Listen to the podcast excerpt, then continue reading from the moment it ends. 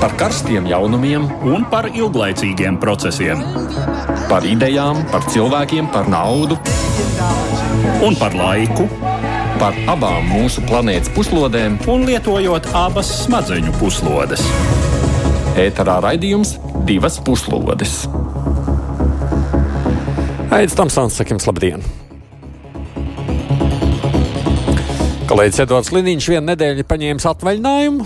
Līdz ar to šodien no raidījuma veidotājiem studijā būšu vienēs. Bet, nu, protams, kā parasti mūsu sarunā piedalīsies arī tie, kas spēj komuniet, komuni, ne, komentēt, analizēt. Jebkurā gadījumā plašāk šajā reizē runāsim par trim tematiem. Savienotajās valstīs ir notikušas pirmās republikāņu partijas priekšvēlēšanas. Tajās ļoti pārliecinoši uzvaru svinējis Donalds Trumps. Vai mūsu rudenī atkal gaida episkā drāma un cīņa starp Trumpu un Baidenu? Mēs lūkosim izdarīt pirmos secinājumus.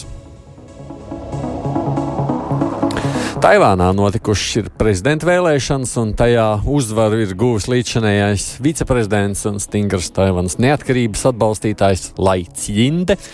Ķīna iepriekš brīdināja, ka viņa kļūšana par prezidentu novedīs pie kara. Tomēr vēlētājs tas nav nobiedējis. Un raidījuma noslēgumā vēlreiz atgriezīsimies pie Ungārijas realizētās politikas Eiropas Savienībā. Kamēr Eiropas komisijā spriež, kā tikt pāri Ungārijas uzliktajām veto palīdzībai Ukrainai, tikmēr Eiropas parlamentā daudz deputātu vēlas, lai Ungārijai atņem balstiesības, cik tas ir reāli. Visu šo stundu studijā notiekošo komentēs portāla TVNet žurnālists Artūrs Bikovs. Sveiks! Sveiki!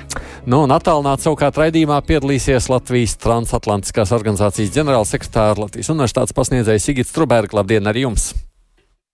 Sveicināt, labdien! Nu, un sākam vispirms ar politisko noskaņojumu Savienotajās valstīs. Ajovas štats parasti ir pirmais, kur reizi četros gados iesākas priekšvēlēšana cīņa, lai noteiktu, kas gada beigās sacensties par saimnieka krēslu Baltajā namā. Arī šoreiz nedēļa iesākās ar cīņu par nomināciju Republikāņu partijām, un tajā ļoti pārliecinoši uzvaru svinējis eksprezidents Donalds Trumps. Viņu atbalstījusi puse no visiem republikāņu vēlētājiem štatā. Tas gan nav nekāds pārsteigums, jo Trumpa uzvaru prognozēja visas socioloģiskās aptaujas. Intriga bija par to, kurš varētu ieņemt otro vietu, un to izdevās izraut Floridas gubernatoram Ronam Desantesam. Tomēr turpat līdzās ir arī bijusī ASV vēstniece ANO Nikija Heilija. Ļoti bieži pēc pirmajām vēlēšanām no tālākas cīņas izstājas visnepopulārākie kandidāti, un pirmais par to paziņoja uzņēmējs Vimiks Ramasvāmī, kurš palika 4. vietā. Viņš teica, ka turpmāk pilnībā atbalstīs Donaldu Trumpu. Kaut arī Nikija Helija palikusi trešajā vietā, viņa pagaidām no cīņas negrasās izstāties. Heilija lielāku uzsvaru liek uz citiem aptauju rezultātiem. Pašreizējais vēlētāju noskaņojums rāda, ka Trumpa un Baidena cīņā rezultātu vēl grūti prognozēt. Tur abiem kandidātiem būtu līdzīgs atbalsts. Bet, ja cīņa būtu starp Heiliju un Baidenu, Heilija pārliecinoši uzvarētu ar 17% lielu pārsvaru. Tādā gadījumā par Heliju balsot arī daudz demokrātu vēlētāju par spīti viņas pārliecībai, piemēram, abortu jautājumos. Cik liela ir vispār nozīme šiem pirmajiem priekšvēlēšana rezultātiem? Tie tiešām atspoguļo, kā ar to, tavuprāt, to vēlētāju noskaņojumu visā valstī? Man liekas, ka tas ir klasiskais piemērs tam, ka, uh, ja tu ticēsi kaut kādai lietai, tad tā arī notiks. Respektīvi, mm. varētu būt arī tā, ka ja Trumps neuzvarētu, jā, tas kaut kādā veidā varbūt mazliet mazinātu viņa izredzes tikt um, pirmajā vietā kā republikāņu kandidātam, bet tik līdz tu uzvari, tad uzreiz cilvēki redz, ah, viņš ir pietiekami labs kandidāts, tad mēs respektīvi atbalstī, atbalstīsim viņu arī turpmākos kokusos. Tāpēc es nepraspilētu nozīmi bet uh, vienlaikus drīzāk skatītos uz to, kā kandidāti uzvedās un kā viņi. Es mēģinu atcerēties no iepriekšējām vēlēšanām, vai jums ir kaut kas atmiņā palicis, cik nu, tās pirmais rezultāts ietek, vienmēr nozīmē to, ka visticamāk arī tie tālākie rezultāti būs labi. Man liekas, ka demokrātiem pirmā kas Ajova uzvarēja Pīta Butičičs. Ja es, es varu Pagājušajā maldīties, reizē. jā, pagājušajā reizē es varu maldīties, uh. -huh. bet man šķiet, ka viena no, no, no pirmajām viņš noteikti uzvarēja. Nu, kas, kā mēs redzam, tagad uh, prez, par prezidentu viņš nekļuva. Jā. Tiesā viņš strādāja Baidena administrācijā. Vai tuvu tā atkal tur uh, jāprecizē tie amati, bet viņš noteikti mm, pēc tam atrada sevi pie varas. Šeit uh, svarīgi vēl viena lieta piefiksēt, kas man bija uh, aizmirsu pateikt. Jāskatās arī uz to, kas ir tie otrie, trešie, jo potenciāli viņi varētu kļūt par viceprezidents kandidātiem. Nu, jā. Un tas arī ir svarīgi. Teiksim, Trumps skatīsies uz to, kā teiksim, iestāja pašai Helijai. Nemaz nav izslēdzams, ka viņš viņu pieaicinās savā Ja komandā. viņi izstāsies, protams. Jā, jā, protams, ja viņi izstāsies. Jā, pieaicinās savā komandā, un tad jādi varbūt viņam izdosies dabūt papildus balsis no tiem. ā, Cilvēkiem, kuri nu, vismaz nesot pārliecināti vai nav līdz beigām gatavi balsot par Trumpu. Mm. Nu, no otras puses, šobrīd Nikija Helija vismaz ir tā, kas mm, visvairāk tā kā sevi pretnostāta Trumpam iekšējā šajā cīņā, sakot, ka lūk, viņa ir tā otra lielā alternatīva. Kā izskatās Strunbergs kundze, kā jūs redzat, ko rāda šīs pirmās priekšvēlēšanas? No vienas puses piekrītu kolēģim par to, ka tiešām ir noz simboliska nozīme eh, šīm pirmajām vēlēšanām, jo tas, protams, kā mēs zinām, vēlētāju uzvedībai ir raksturīgi reizēm pieslieties tam, ko vēlētājs uzskata, kā domā vairākums. Ja? Un tāpēc, tāpēc še- šeit šim varētu būt nozīme. Uh, savukārt par šo viceprezidenta lomu, nu, redziet, te, te man liekas, ka Trumps ir viens no tiem visgrūtāk prognozējamiem tipāžiem, jo viņam uh, pirmkārt viņš var strauji mainīt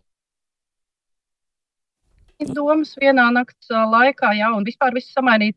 Otrkārt, tā, tā, tā, tā cēloņu un seku loģika, ka, ko, ko, ko mēs racionāli izdam, izdomājam, bieži vien Trumpam nedarbojas. Bet tas, protams, nenozīmē, ka uh, var tikt panākt kaut, uh, kaut kādas vienošanās arī par, par iespējamu amatu pārdali. Uh, bet atgriežoties pie tiem iepriekšējiem rezultātiem, redziet, um, te uh, tie, kas nu, teiksim, vairāk iedziļinās ASV vēlēšanās, runā par to, ka ir vairākas tādas simboliskas lietas. Viens ir tas, ka neapšaubām ir kāpis atbalsts tieši šajā štatā, salīdzinot ar iepriekšējo. Lielākais kāpums ir ve vecumā no 65 gadi uz augšu. Tur no 26% atbalsta, atbalsta Trumpam ir kāpis uz 58%. Uh, vēl viena iezīme, kas parādās, ka tie, kas mazāk atbalsta Trumpu, ir jaunie cilvēki, cilvēki vecumā līdz 29 gadiem. Tur tas kāpums ir atbalstam, bet viņš ir ievērojami mazāks. Un, un arī nesastāda piekdaļu pat. Un vēl viena nozīmīga iezīme, par ko tiek runāts, ir par šo, nu, kas tad ir tas Trumpa vēlētājs. Jā, un te gan bez pārsteigumiem, faktiski 67% no Trumpa vēlētājiem ir nu, teiksim, nu, cilvēki bez koledžas grāde. Jā. Tas, tas, protams, daudz ko parāda, bet tas vienlaikus parāda, ka tiešām šajā laikā Trumpam ir izdevies nevis atgrūst savu vēlētāju, un nevis arī partijā, nu, teiksim, ar visu savu rīcību pārliecināt partiju par to, ka viņam nevajadzētu būt kandidātam, bet gluži pretēji. Un ar to ir jārēķinās. Un šai ziņā mēs jau varam runāt par citām sekām, kas ir par tām sekām, ko mēs jau redzam uh, globālajā vidē, uh, ka valstis jau sāk piemēroties apstākļiem, domājot, ka iespējams Trumps varētu būt par prezidentu. Pirms viņš jau ir kļuvis, uh, vēl ir kļuvis un vai kļūs vispār, valstis jau sāk domāt, kā piemēroties tādai vidē. Jā, bet skatoties uz tiem rezultātiem, nu, tas pārliecinošais uzvara, un es saprotu, tā ir tāda nu, nepā, nebijusi pārsvars pār citiem visiem kandidātiem. Tas nozīmē, ka Trumps var būt pilnīgi drošs par savu uzvaru tagad. Es domāju, ka te mums jāskatās arī uz to, kā pēdējo reizi eh, Trumps piedalījās šādā līdzīgā veidā Kokusā eh, 17. gadā, pareizi es atceros, 16. 16. gadā, atvainojiet. 16.. Līdz ar to ir pagājis pietiekami liels laiks. un Bet kopš- toreiz jau tas sākuma pārsvars nebija tāds. Tieši tā, par to arī stāsta. Bet arī Donalds Trumps nebija tik ļoti, tā teikt, pazīstams nepazīstams tādā ziņā, ka viņš vēl nebija līdz šim tāda milzīga figūra. Beig, beigās tas, to brīdi viņš vēl nebija bijušais ASV prezidents. Nu, jā, jā. Protams.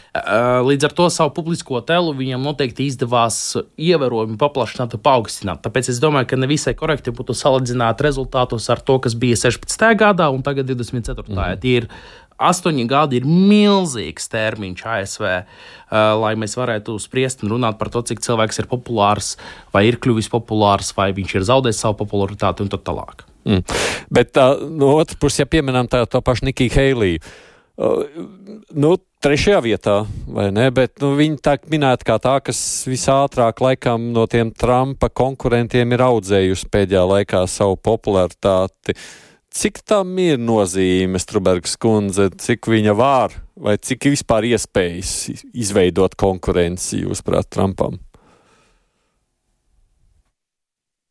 Nu, es būtu uzmanīga ar uh, viņas iespēju pārvērtēšanu šajā gadījumā, jo, jo kā jau teicu, manuprāt, uh, tomēr, uh, jā, no vienas puses, tiešām astoņu gadu laika periods daudz popularitāti, nu, teiksim, prezidents ir parādījis sevi kā prezidentu, No otras puses, uh, tomēr astoņos gados var, uh, un ar to, ko Trumps darīja, varētu gaidīt, ka uh, tiešām ka, uh, vairāk uh, cilvēki slēgtos, uh, kla, uh, slēgtos uh, uz uh, alternatīvu kandidātu, tā skaitā Helija, bet mēs redzam pēc pirmajiem rezultātiem, ka tā gluži nav. Un patiesībā pārsteigums varbūt ir par to lielu atbalstu, bet pārsteigums par to, ka viņš ir uzvarējis, nu, nav jau nemaz tik liels. Tas bija diezgan sagaidāms. Tāpēc es. Uh, mm, būt ļoti uzmanīga ar pārlieku lielu cerību likšanu uz to, ka Heilija varētu izaicināt Trumpu.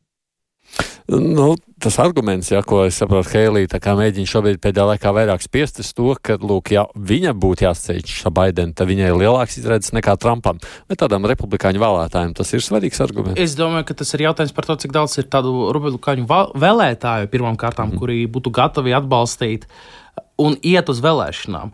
Man ir tāda sajūta, un uh, te man uzreiz jābrīdina klausītājs, ka es neesmu pārbaudījis šo socioloģiju, un te varbūt man uh, uh, nav taisnības. Bet uh, man ir uh, šāda sajūta, ka uh, Donaldam Trumpam ir ļoti aktīva vēlētāju bāze.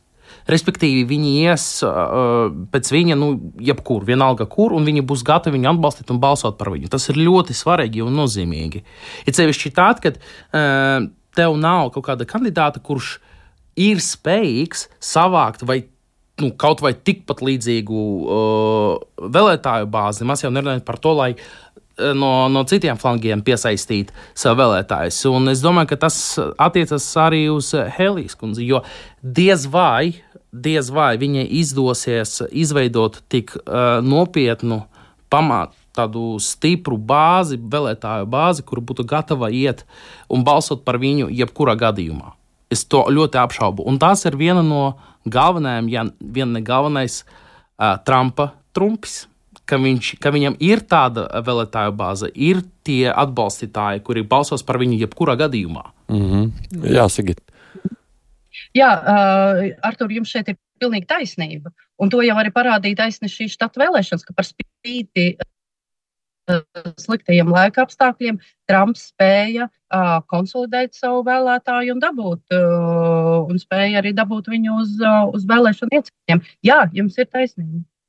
Nu, izglītības trūkums reizēm var būt mobilizē cilvēkus. Es, do, es nedomāju, ka tas ir obligāti izglītības trūkums. Es drīzāk domāju par to, ka uh, un es arī uh, nenonivilētu uh, Trumpa mm, veiksmī, ja mēs varam tā to noformulēt. Jā. Tikai uz to, ka uh, viņā, vēlē, viņā vēlētājiem vai atbalstītājiem pietrūkst izglītība. Nē, drīzāk man ir tāda sajūta, ka viņš ir kā īstais ideālais psihoterapeits vai psihologs ir tik precīzi trāpījis tik daudziem dvēselē, tā neziņā, kā viņš, viņš ļāva viņiem noprast to, ka viņi tiek sadzirdēti. Kā beidzot ir parādījies tās cilvēks, kurš nav no kaut kāda establishmentā, bet ir tas cilvēks, kurš saprot cilvēka parāstā problēmas. Tiesā, Donalds Trumps ir viens no spilgtākajiem piemēriem tam, kas ir establishments. Cilvēkam tētis ir devis kredītu, nezinu, 60. un 70. gados, 1 miljonu dolāru apjomā, lai savu biznesu attīstītu. Nu, grūtāk vēl atrast cilvēku, kurš būtu tik tālu atrauts no cilvēkiem parastiem, kā Donalds Trumps, miljardēris. Nu, Bet viņam izdevās trapīt. Nu, viņš nav augstprātīgs. Viņš ne, neizturas pret savu vēlētāju. Es domāju, ka viņš ir ļoti augstprātīgs. Bet tad, kad vajag, viņš nav. Sigit, jā, lūdzu. Uh, šeit uh, tiešām Trumps uh, nu, galīgi, galīgi nav daļa no tautas, bet Trumps ir tipisks populists. Un populismam principā ir raksturīgs šis anti-establishmenta, par tautas retorika, vienkārša valoda, dusmīga valoda, kas tautai patīk. Tajā gadījumā tai daļai, kam tā tomēr pārsvarā tā daļa, kam patīk šāda dusmīga valoda, un pret establishmenta valoda tomēr ir jārēķinās, ka lielāks procents ir mazāk izglītoto. Protams, ir neliels procents arī cilvēku ar augstāku izglītību, kas, kas um, nu, kam simpatizē reizēm šādi vēstījumi, tomēr vairumā gadījumā ir jārēķinās, ka tie ir uh, cilvēki ar zemāku izglītību. Un to atkal jau parādīja šie, šie, pir, šie pirmie štatu uh, nu, rezultāti. Nu, labi, šīs bija pirmās priekšvēlēšanas, jau štats nav tas lielākais vai neizšķirošākais štats, bet skatoties tālāk uz mm -hmm. cik Cik štatos apmēram mums vajadzētu redzēt rezultātus, lai mēs varētu sacīt, ka nu jau liekas skaidra tendence un līdz ar to rezultāts? Jo pašreiz jau laikam Trumpam lielākā daļā štata, man liekas, ir pārsvars. Ne, tā, no? uh, man liekas, ka jā. Um, tas pirmais un galvenais posms visos vēlēšanos, kad ir jāizvēlas to kandidātu, tā ir, ja es pareizi atceros, saucās, tulkojot liela otrdiena, kad balso vairāki mm -hmm. štāti, un pēc tā, es domāju, mēs varam jau diezgan pārliecinoši apgalvot. Kurš būs prezidenta kurš būs, kandidāts kurš vai ne? Prezidenta kandidāts, jā. Kā jūs domājat, Sigita, mums gaida atkal šogad tā pamatīgā spriedze cīņā starp Trumpu un Baidenu? Spriedze noteikti būs līdz pēdējiem brīdim, un arī tāda nelīdz galam pārliecība būs līdz pēdējiem brīdim, un mēs varam redzēt vairākus piemērus, atcerieties iepriekšējo, iepriekšējās vēlēšanas, un vēl pirms tam, kam ievēlēts. Ja? Līdz ar to es domāju, ka šī spriedze būs, un spriedze būs ne tikai pašā ASV starp partijām, bet, kā jau es iepriekš teicu, spriedze būs arī rietumos, tā skaitā Eiropā, kalkulējot par tiem iespējamām vēlēšanu sekām. Mm -hmm, kad domā, mēs gatavosimies pamatā iespējamai Trumpa uznācienam. Mm. Es domāju, ka mēs visi jau gatavojamies. es domāju, ka mēs noteikti varam gatavoties tam. Jā, es nemaz neizslēgtu to, ka viņš varētu kļūt par prezidentu atkal no otras puses, kas uh, mums Latvijā šķiet jāsaprot, uh, neobligāti uh, viņa nakšanās pie vārās mums šeit Latvijā nesīs kaut ko ļoti, ļoti sliktu. Kā piemērs, viena lieta ir populistiskā retorikā, un otra lieta tas, ko cilvēks dara. Mm -hmm. Jā, Sigita. Uh, jā, uh, Trumpa iepriekšējā prezidentūra tiešām parādīja, ka konkrēti Baltijas valstīm tie lēmumi nebija uh, nu, teiksim, tādi nu, patiesībā negatīvi, tur bija diezgan daudz pozitīvu, bet šeit ir mainījies fundamentāli konteksts, ir Ukraiņas konteksts.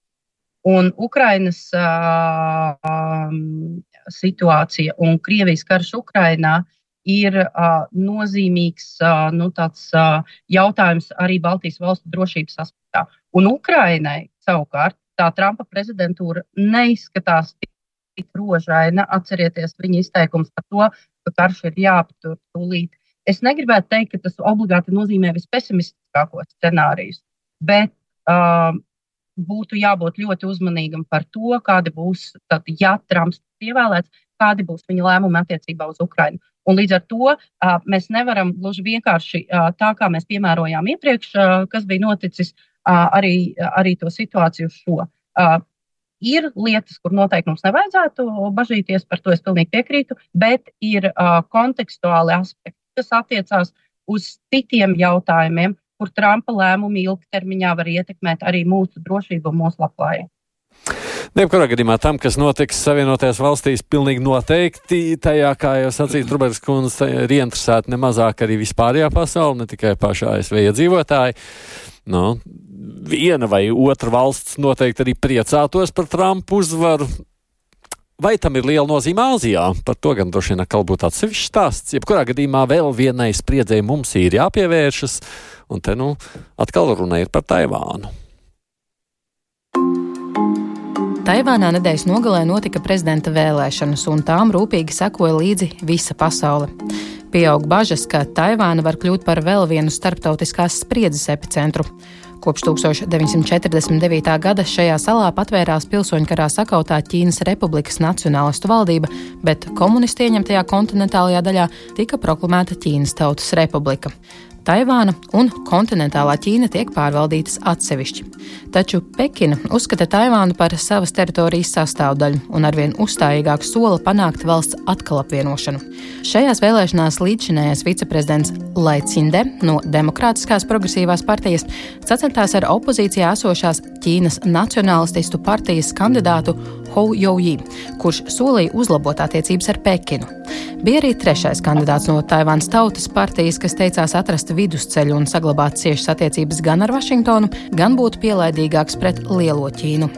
Ņemot vērā, ka tā ir jauna partija, vairāk nekā 26% vēlētāju atbalsts ir uzskatāms par ļoti labu. Tomēr pāri par 40% vēlētāju atbalstīja līdzinējo viceprezidentu, un tas nozīmē, ka Taivāna turpinās līdzinējo politisko kursu, iestājoties par ciešākām attiecībām ar Savienotajām valstīm.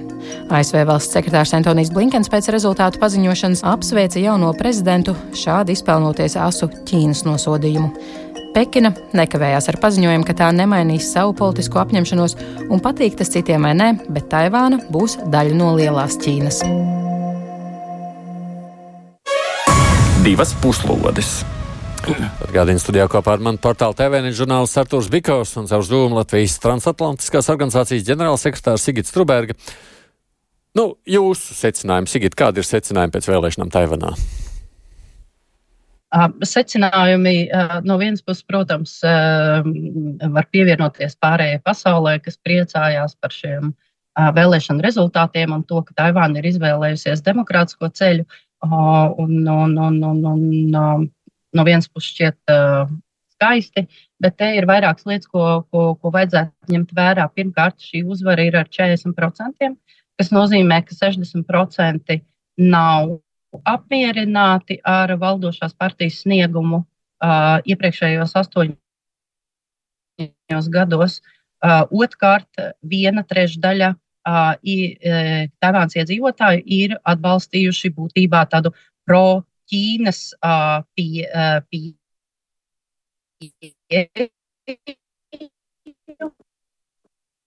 jā, šo pieeju, šo neapmierinātību vai, teiksim, gūt atbalstu sev, to neapmierināto vidū, kas, kas, kas nepriecājas par lai partijas sniegumu.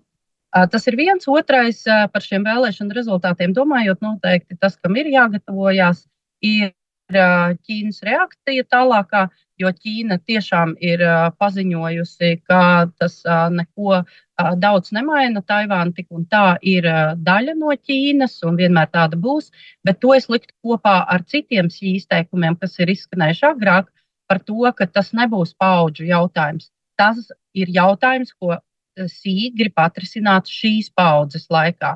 Plus ir jāsaka, ka um, te ir jāatcerās, ka, lai arī uh, to cilvēku skaits Taivānā, kas sevi identificē kā ķīniešu strīdu, bet tomēr arī tas, uh, um, nu, uh, savukārt tas procents, kas uh, sevi identificē kā ķīniešus un taivāniešus, ir uh, netik mazs. Tāpēc es domāju, ka Ķīnai uh, nu, te būs ļoti uzmanīgi jāskatās uh, Taivānas demokrātiskajiem spēkiem, kā mazināt šo um, nu, tādu maigās varas ietekmi, kas uh, noteikti notiks tālākie mēģinājumi to kāpināt.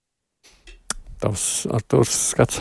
Man liekas, ka, protams, tā uh, Lāja uzvarā ir uh, daudz labākai demokratiskai, liberālai pasaulē, bez šaubām.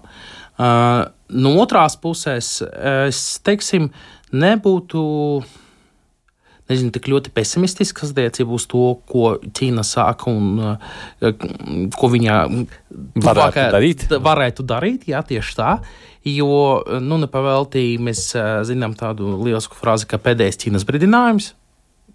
Respektīvi, ne jau pirmo reizi izskan uh, Ķīnas vēlme kaut ko darīt attiecībā ne tikai uz Taivānu, bet arī um, citiem reģioniem, valstīm, teritorijām. -hmm. Tāpēc es teiktu, ka uh, tuvākajā nākotnē karš ir maz iespējams starp uh, Taivānu un Ķīnu. Tuvākajā nākotnē, es domāju, 3-5 gados. Pēc tam situācija varētu mainīties, un es uh, centīšos uh, paskaidrot, kādēļ. Um, Ķīnas ekonomikas izaugsmē uh, un Ķīnās attīstība kā tāda, viņā jau tagad, kad varētu apgalvot, vai nu tuvākajā nākotnē, tieši tos 3-5 gados, sasniegs strupceļu, vai tagad jau atrodas zināmā strupceļā. Tam ir nepieciešams uh, iedzīvotājiem pierādīt un parādīt to, kā esoša vara, respektīvi, Sī varētu kaut ko sasniegt lielāku un vairāku. Ar esošu pieeju to būtu izdarīt pietiekami sarežģīti. Kā vēl var savu varu nostiprināt? Protams, ar mazu uzvarīgo kāru. Nu. Un, attiecīgi, tas varētu kļūt par ieganstu tām, nevis par ieganstu, bet par iemeslu tam, lai mēģinātu iekarot Taivānu un padarīt to par lielu daļu, par daļu no lielas Ķīnas. Jā. Respektīvi, tāds varētu būt scenārijs. Līdzīgi tā, ka mēs to redzam šobrīd uh, uh, arī Krievijas-Ukrainas gadījumā tā pārliecība, kas nāk no autoritāra vadītāja par to, ka jā, es varu uzvarēt tajā, liela, tajā karā un tādējādi arī pagarināt uh, savu atrašanos pie vāras, varētu kļūt par iemeslu, kādēļ tas karš varētu arī sākt. Bet ne tagad. Bet ne tagad. Jā, es neuzskatu, ka tā tagad sāksies. Jā, jā, jā Sigita. Manuprāt, mēs tuvākā nākotnē neredzēsim uh, sī, nu, teiksim, sī, uh, izaicinājums palikt pie varas. Tas, ko, tas, kam vēl es vēlētos, uz ko vērst uzmanību, ir, ka nu, tiešām mēs nevaram pateikt, ka rīt, parīt vai tuvāko trīs gadu laikā varētu notikt Ķīnas militāra intervences Taivānā. Bet šādos gadījumos ir jāatcerās, ka visgrūtāk prognozējamie ir tieši šāda veida režīmi. Tie ir kā tāda melna kaste, un līdz ar to, nu, teiksim, atkal jau tā racionalitāte, kuru mēs izdomājam, kalkulējot vai domājot par to, kad varētu būt iespējama militāra intervence, tie neparedzami. Atceramies, tiešām ir vērts atcerēties Krievijas karu Ukrainā, kad neskatoties uz ASV izlūkdienas brīdinājumiem, neviens neticēja, ka, ka tiešām tas varētu notikt. Un vēl bez tiešas, nu, teiksim, skaidras kara uzsākšanas ir vēl ļoti daudz dažādu taktiku, ko Ķīna jau lieto šobrīd, sākot no gaisa jūras blokādēm līdz pat kiberuzbrukumiem. Starp citu, laikā līdz vēlēšanām saskaņā ar statistiku kiberuzbrukumu skaits no Ķīnas Taivānai ir pieaudzis 3000 reizes. Un uh, vēl ir jāatcerās, ka Ķīna bez šīm pelēkās zonas uh, karavešanas taktikām vai hibrīdajām taktikām uh, varētu arī pieņemt uh, lēmumus, izmantojot situācijas, uh, kas varētu potenciāli, cerams, ka neradīsies, bet rasties saistībā ar Ukrajinu. Tāpēc, uh, tāpēc es būtu ļoti, ļoti uzmanīga ar šāda veida uh, prognozēm, un parasti, parasti es tiešām mēģinu nu, uzmanīgi skatīties, jo, jo ar, ar autoritāriem režīmiem tiešām ir gana sarežģīti uh, plānot, paredzēt. Un turklāt uh, nu, Ķīna vienkārši tāpat nekad neatteiksies no Taivānas. Nekad. Mm. Mēs šobrīd esam sazvanījuši valodas studentu, teikt, arī Taivānas vērotāju. Viņš arī bloga par Taivānu autoru Aleksandru Gorsu. Halo, Aleksandr, labdien! Jā, sveiki, labdien. Es saprotu, jums ir bijusi iespēja būt gan Ķīnā, gan Taivānā, vai ne? Varat, uh, um, Mazli... Jā, varbūt es tikai um, sapņos esmu bijis, bet Taivānā jā, es biju četriem mēnešiem nesen. Čet. Um, uz Jūs varat- vēl nav sanācis tik. Ah. Varat mazliet izstāstīt par to noskaņojumu tur, atš- runājāties ar ļaudīm, sajust, saprast, ko tad cilvēki domā par visu šo situāciju. Jā, um, es, um, nu, vēlēšanas Taivānā vienmēr ir tāds ļoti nozīmīgs notikums. Um, un um, šīs vēlēšanas arī bija ļoti īpašas, jo uz daudzu vēlētāju prātiem faktiski bija ne tikai šis Ķīnas draudz, bet arī vairāk tādi ekonomiski momenti, kā piemēram um, māju īpašumu un pārtikas cenas, kas ir tikai augušas. Tā kā um, Kaut arī tas Ķīnas faktors ir bijis ļoti liels šajās vēlēšanās, bija arī faktiski tas ekonomikas faktors, um, es pat teiktu, bija lielāks. Un to Aha. arī norāda, to arī norāda dažādas um, uh, um, nu, apgājas, kas ir veiktas pirms vēlēšanām. Um, vēl viens interesants faktors, jā, Mhm. ja? jā, jā turpiniet, turpiniet. Jā. um, um, nesen minēja arī to, ka tas kiberuzbrukumu skaits ir ļoti palielinājies. Un arī tāpēc, ka vēlēšanās teiksim, tā, tas Ķīnas iesaistas draudz ir tik liels. Vēlēšanas notiek tādā ļoti īpašā veidā. Proti, katrs vēlētājs var tikai um, vēlēt īpašā, nu, teiksim, savā deklarētajā dzīvesvietā, tajā rajonā. Um, tā, ir, ir, ir vairākiem tūkstoši to vietu, kur var um, uh, vēlēt. Bet, teiksim, ja, ja tu strādā tajā laikā citā pilsētā, tad tev nav iespējas piedalīties vēlēšanās, pat ja tu esi Taivānā. Tev ir tieši jāceļ atpakaļ uz to savu deklarēto um, dzīvesvietas adresi un tieši tur jā, jāvēlē tajā rajonā. Tāpēc um, šajās vēlēšanās faktiski arī tika novēlēts mazāks vēlētāju skaits kā iepriekšējās. Um, un ir nedaudz grūti saprast, vai tas ir tādēļ, lai saglabātu drošību, vai vienkārši daudz vēlētājiem, daudziem vēlētājiem ir arī, teiksim tā, um, nav skaidrs domas par to, par kur viņi vēlās vēlēt. Jā. Mm. Bet eh, te mēs redz pieminējām, nu labi, 40% par vienu, bet tas nozīmē, ka 60% nav balsojuši par šo te esošo, ja, valdošo partiju. Ir tā, ka, mm -hmm. nu, ka tā attieksme nu, pret Ķīnu ir mazāk tāda vienā daļā sabiedrības kategoriska nekā, nekā varbūt mums reizēm šķistu no malas to domāt? Es domāju, ka noteikti ir. Tur ir um, um, starp tādiem vecākiem cilvēkiem. Viņiem nav tik, teiksim, tā pret Ķīnu nav tik agresīva attieksme kā jaunajos.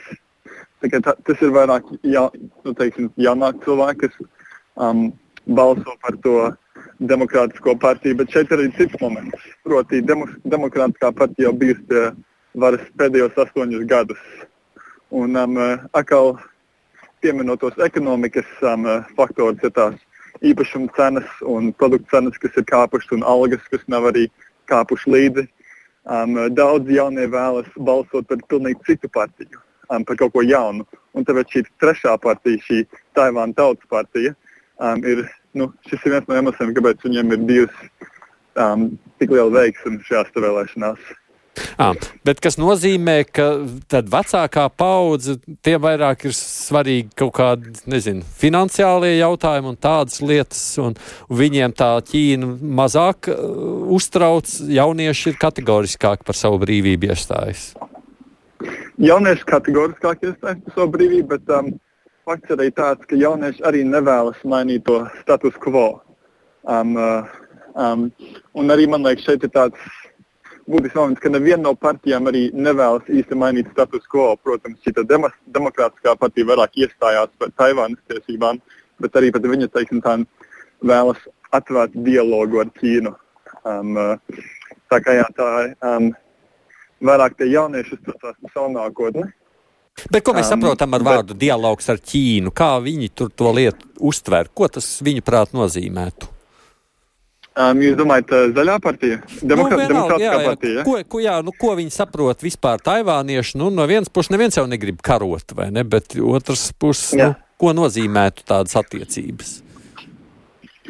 Um, tas ir ļoti labs jautājums, jo, nu, kad uh, šīs demokrātiskā partija pirms astoņiem gadiem pirmoreiz tika ievēlēta, tad tas kā Ķīna, Ķīnas reaģija bija, no reakcija bija pārtraukt visu, dial, visu dialogu ar Taivānu. Un tad, kad um, šī Nacionālā partija bija pie varas, tad bija atvērts dialogs starp Ķīnu un Taivānu. Um, un, un tāpēc šī demo, demokrātiskā partija jau kādu laiku cenšas to atvienu, atjaunot. Um, un, um, nu jā, bet um, uh, tas arī, tas arī teiksim, tā, Ķīna ir arī pēdējā laikā visādi tarifus pret Taivānu um, ieviesusi. Um, un tas arī skārs Taivānas ekonomiku. Nākamais šeit iestājas tas ekonomikas jautājums, kas ir daudziem Taivānas um, nu, jaunākajai jaunākai paudzei uz prāta. Prātās. Paldies! Paldies, Aleksandrs! Aleksandrs Gross, kurš ir arī valodas students, un kā mēs dzirdējām, viņš interesējās un arī raksta blogu par Taivānu Sigit. Gribējāt komentēt tālāk?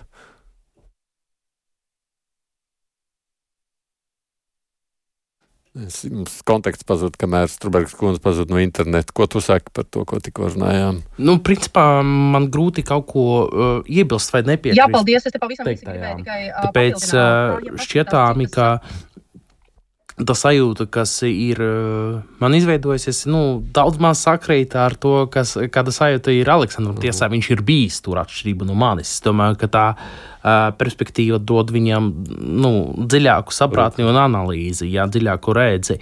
Cevišķi, kas attiecināms uz to. Uh, starpību starp uh, vecas paudzes un jaunas paudzes cilvēkiem. Man liekas, ka uh, īstenībā tā varētu būt uh, ļoti nozīmīga lieta, sevišķi uh, gadiem ejot. Mm, Nepavēlti, man liekas, ka Sigītā arī pieminēja nu, pašā sākumā, ka jaunieši ar vien mazāk un mazāk sevi uzskata par ķīniešiem. Jā, viņi sevi uzskata par Taivānas iedzīvotājiem, taivāniešiem. Jā. Mums vienkārši Sigrid bija pazudis mazliet internetu konteksts, Jā. tāpēc es aprunājos ar Artūru Sekiet to savu komentāru. Viss kārtībā, es tieši tā arī sapratu. Jā, es tieši tā arī sapratu. Uh, tiešām, uh, pirmkārt, uh, vecākai paudzei ir raksturīga šī uh, dubultās identitātes izpratne, izpratne par to, ka viņi ir ķīnieši. Uh, kas gan ir ļoti mazs procents. Un vēl viena lieta par šo, um, šo jautājumu, kas tika skarts par to, kā, ko tad uh, taivānieši saprot uh, par tām attiecībām ar Ķīnu. Ja? Un te atkal atgriežoties pie statistikas, ir jāsaka, mm, ka tie cipari ir diezgan interesanti. Jo zem 5% Taivānas iedzīvotāji vispār uzskata, ka būtu steidzami jāvirzās neatkarības virzienā, nu, iespējami ātri. Ja? Tad aptuveni piekdaļa uzskata, ka vajadzētu saglabāt status quo, bet virzīties uz neatkarību. Ja? Un tad pārējie 30% vispār nu, 30% uzskata, ka status quo ir jāsaglabā un miers. Un nekas nav, uh, nav, nav, nav jāmaina. Ja? Un vēl trešdaļa saka, ka status quo ir jāsaglabā uz nezināmu laiku. Tāpēc nav šāda pieprasījuma pēc, jūs zināt, iespējami drīzu pilnīgu saišu saraušanu ar Ķīnu. Un te tā argumentācija pieminēta tiešām ir dažāda. Sākot no tā, ka mm, nu, teiksim, ir šīs dažādas sankcijas, ko Ķīna uzliek.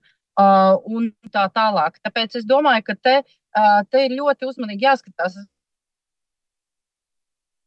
Ziniet, man tas atkal atgādina, domājot par pārprot, pārprot nu, teiksim, nerietumu valstu redzējumu uz lietu kārtību. Ja?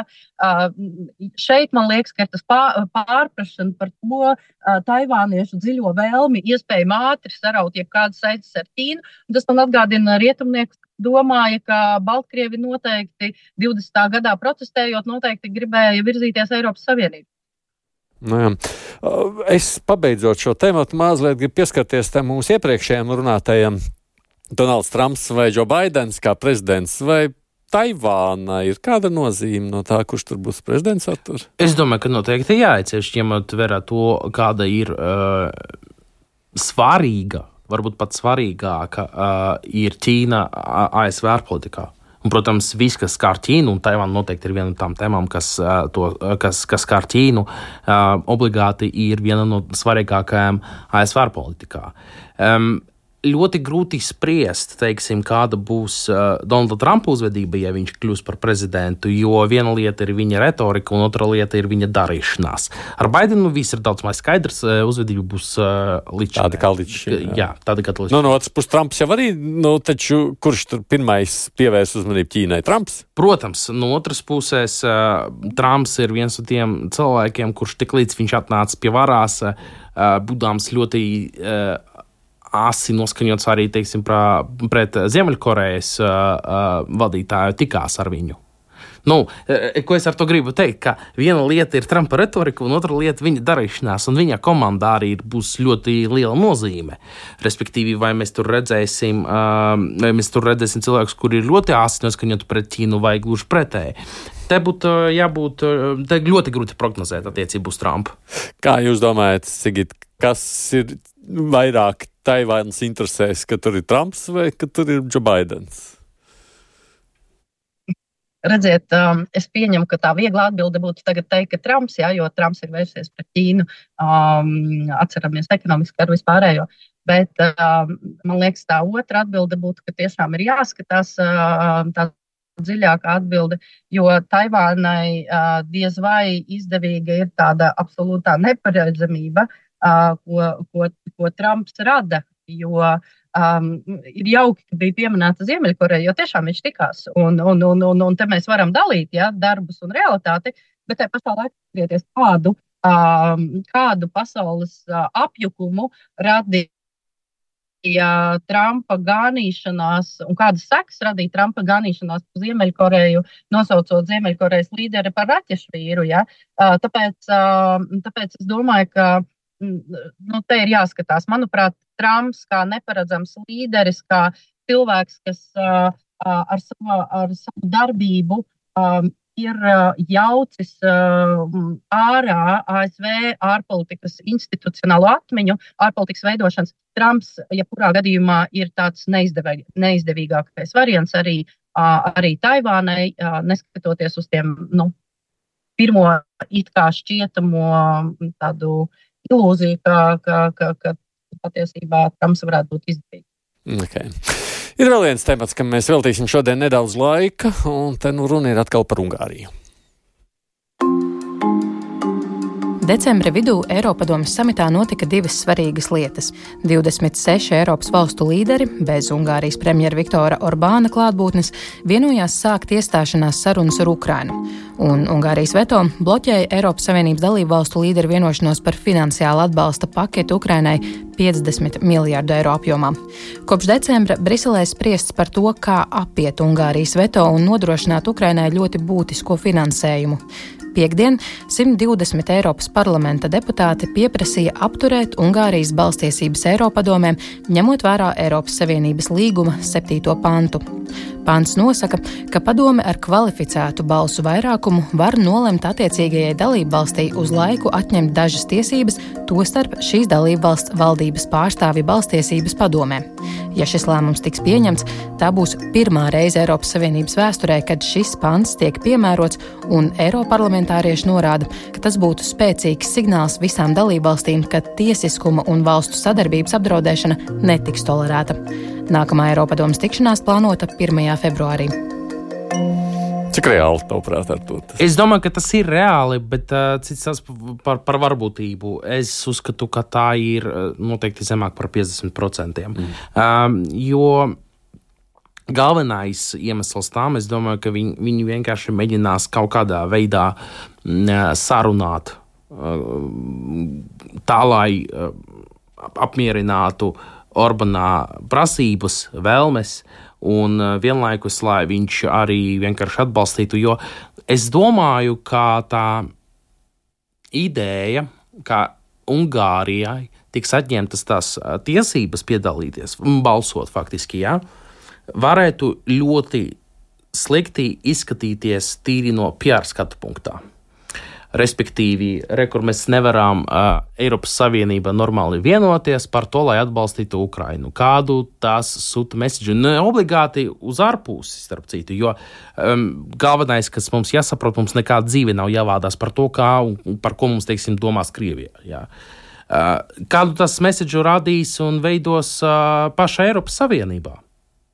Jo rekur, ka mēs nevaram vienoties, atkal būs tā sajūta, ka, um, ka kaut kas jādara cits, kaut kādā citā veidā jārisina. Un es domāju, ka šī gadījumā obligāti jānorāda to, ka Eiropas Savienība ir vienota savā atbalsta Ukrainai, un ir, šis atbalsts ir nelokāms. Mm. Strunbergs kundze. Jā, e, es piekrītu tajā daļā, kas attiecās par to, cik ticama ir, ticams ir šī, šāds scenārijs. Vienlaikus mums ir jāatcerās, ka tas tiešām ir veids, kā šobrīd tā, tiek domāts, nu, kā, kā, kā, kā tikt galā ar Orbānu. Tā pašā laikā neapšaubāmi uh, Eiropas komisija un, un, un, un arī tā, tā, tā augstākā Eiropas Savienības elite uh, līdz šim ir tiešām diezgan labi tikuši ar Orbānu galā, uh, gan, gan vajadzīgajā brīdī atkāpjoties no prasībām. Um, attiecībā uz tiesiskumu un uh, atgriežot finanšu līdzekļus un tā tālāk. Uh, pareizāk, piešķirot Eiropas Savienības finanšu līdzekļus. Tā pašā laikā uh, man liekas, ka te ir jāatcerās, ka to 120 deputātu no 700, tas nav nemaz tik liels, tad, ja paskatās skaits, pār 700, piedodiet. Uh, ka, ka 120 deputāti patiesībā jau ir inicijējuši to, kas ir bijis inicijēts 17. un 18. gadā pret to pašu Poliju un Ungāriju. Un tas bija uh, par tām pašām Eiropas vērtībām, par ko runā uh, tie 120 deputāti savā vēstulē šobrīd, vēršoties pie Mensolas. Ja? Uh, tas, kas, nu, teiksim, tas, tas, kas šeit šķiet svarīgs, ir tas vēstījums, ka varbūt tagad, 24. gadā, tomēr pēc diviem neveiksmīgiem mēģinājumiem inicēt šo dažu tiesību valstī noņemšanu, varētu rezultēties, protams, nu, manuprāt, rada vēlreiz jaunu platformu diskusijām kā tad rīkoties ar nedemokrātiskām valstīm. Ja? Un ilgtermiņā šādas diskusijas, es domāju, vēl, vēl turpināsies, ņemot vērā, ka izskatās, ka nu, teiksim, Eiropas parlamenta vēlēšana rezultāti varētu būt ne ļoti uh, bagāti ar uh, pro-eiropeiskiem vai uz federālisma virzienu domājošiem deputātiem un partijām. Ja? Bet atgriežoties pie Eiropas padomus, kam būs jāpieņem tie lēmumi, nu, tā argumentācija te ir, kāpēc varētu nobremzēta šī iniciatīva. A ir Fonderlajens faktors, ka būs vajadzīgi, vai, vai, vajadzīgs atbalsts vēlāk. Uh, tas ir FICO faktors, uh, uh, kas, uh, kas arī varētu nepievienoties. Tāpēc tie ir tā, tā, tie, tie, tie dažādi scenāriji tiek izspēlēti. Bet man lie, liekas, vēl viens simpātisks arguments, kas varbūt netik tieši saistīts ar šo vēstuli, bet ko mums vajadzētu atcerēties. Lai kāds būtu nosūtījums attiecībā uz Orbānu, un lai kādas nebūtu sarunas attiecībā uz Orbānu, un lai kā mums varētu nepatikt kaut kāda viņas, viņa rīcība, ja, uh, dažkārt Eiropas valstīm dažām ir izdevīgi, ka ir tāds Orbāns, un, un viņām pašām nav jāuzvedās Orbāna stilā. Tas ir viens. Otrais, lai kā būtu, ar Orbānu ir bijusi iespēja arī sarunāt. Paskatieties, kā notika pēdējā reizē, kad būtībā Šolts sarunāja, ka Orbāns izgāja no telpas. Ja? Un tādā veidā tika atrasts risinājums. Tāpēc es domāju, te ir jāskatās, būs interesanti pavērst un ko vērot. Bet nu ir jau tā, ka viss šis process kaut kādā brīdī vienai daļai liekas bezjēdzīgs, vai, nu, man te bija politologs Sants Kudors, kruspunktā studijā saka, nu, Eiropas Savienība ir tāpat tās pilnībā bezjē, bezspēcīga un nespējīga kaut ko izlemt, tā, tas jau arī rāda tādu pieru sajūtu, ka, nu, ko tad tu tavu? Ļaušos kolēģim Kudoram nepiekrīst par, par Eiropas Savienības bezspējīgu vai bezjēdzību vai kā to lai nosauktu, jā.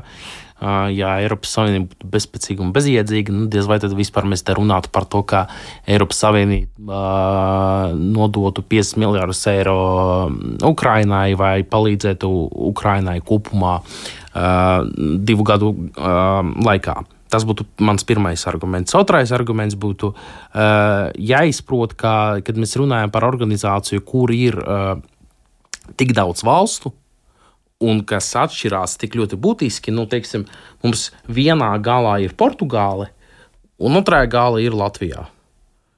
Nu, atšķirība ir milzīga arī interešu ziņā. Noteikti, teiksim, ka viss, kas skār uh, nelegālu migrāciju vidusjūrā, Portugālei vai Spānijai, ir svarīgāk nekā teiksim, mūsu austrumu robežas problēmas, un ko mums, ar ko un kā mums draud teiksim, tā pati Baltkrievija vai Krievija. Līdz ar to vienoties tik ļoti ātri un viegli par šādiem jautājumiem un par šādām summām nemaz nav tik viegli. Nu, tas pats, to pašu, teiksim, izmantojot Kudrkunga argumentu, var tikpat labi pateikt par NATO. Nu, tad NATO arī nevar būt efektīvs un tik labs, jo teiksim, nevar vienoties par to, lai pēc iespējas ātrāk akceptētu Zviedriju vai Somiju aliansē. Nu, labi, mēs, te, protams, nebūtu prātīgi, ka es aprunāju vienu kolēģi, kolēģi Jā. kurš droši vien nevarētu šobrīd izskaidrot, ko viņš ar to sacīja, bet, ja runājam savukārt par visu šo kopiju ainu, tas nozīmē, ka vienkārši šāda nu, mehānismu nekad neiedarbināšana, tā ka visiem ir bail, ka tas pavilks kaut kādas sekas nākotnē? Es domāju, ka teiksim tā. Bažās varētu rasties gan uh, deputātiem Eiroparlamentā, gan arī cilvēkiem, kas strādā Eiropas komisijā un Eiropadomu. Bez šaubām tas bažas varētu rasties un noteikti jau ir. Cits tas, ka šīs bažas, man liekas, ne tikai attiecāmas uz Ukrajinu, bet šīs bažas eksistē nu, tikpat ilgi, cik laikam eksistē moderna Eiropas Savienība. Jo vēlreiz ne jau tā pirmā reize, kad nevar pieņemt lēmumu ātri. Un uh, es saprotu, ka šoreiz problēmas mērogs nav salīdzināms, bez šaubām. Bet uh, jāpaturprātā, ka teiksim, trīs gadus pirms mums arī likās, ka Covid-19 cēku pārvarēšana mērogs nav pielīdzināms, nav salīdzināms ar to, kas bija līdz šim. Un tiesa tur arī bija problēmas ar to, lai pēc iespējas ātrāk lēmumu pieņemtu. Redzi, vienkārši man šķiet, ka to, ko mēs redzam arī tādās politisko vēlēšanu pieprasījumā, ļaudis grib pēc kādas nu, tādas striktākas, izšķirīgākas, skaidrākas rīcības. Kad ne? viņi to negribēja. Nu, jā, un tad ir tā, ka lūk, tā, nu, kaut tā Ungārija, kas jau gadu gadiem mums pa brītņām tiek aprunāta runāt. Mēs tikai par to runājam, un runājam, un runājam, un runājam, bet, nu, lūk, nekādas striktākas lēras nepieņem, rada tādu, nu, tādas bāžas. Nav tā, ka Eiropas Savienība nevar arī, nu, nu ka vēlētāji viņi nesaprot, Sigit, nav tā? Um, nē, nu redz, ka vēlētāji nesaprot Eiropas Savienību un uh, Eiropas Savienības birokrātu valodu. To mēs redzam pēc atbalsta populisma. Ja, un, un, un uh, Eiropas Savienība uh, daudz ir kritizēta to valodu, lēno lēmumu pieņemšanas procesu un tā tālāk. Bet manuprāt, ka šajā gadījumā, mm, skatoties uz to deputātu iniciatīvu, ir man jāsaprot, ka tas ir tomēr tāds, tas nav tikai un vienīgi par Ukrainu, par Ukrainu arī, bet ne tikai. Jo šīs diskusijas par to, kā būtu jāmaina Eiropas Savienības lēmumu pieņemšanas process, nesākās ne pagājušajā gadā, ne 22. gadā. Un iespējams, ka skatoties uz tiem iespējamiem draudiem, kas var rasties no mazāk demokrātiskiem līderiem Eiropas Savienībā, šis varētu būt tāds labs pamats diskusijām. Starp citu, līdz uh, diskusijas par to, ka Eiropas Savienības lēmumu pieņemšanas process būtu jāmaina, tiek, uh, tiek veiktas arī saistībā ar Ukraiņas iestāšanos uh, Eiropas Savienībā, kas nebūs drīz, bet nu, tomēr, ja.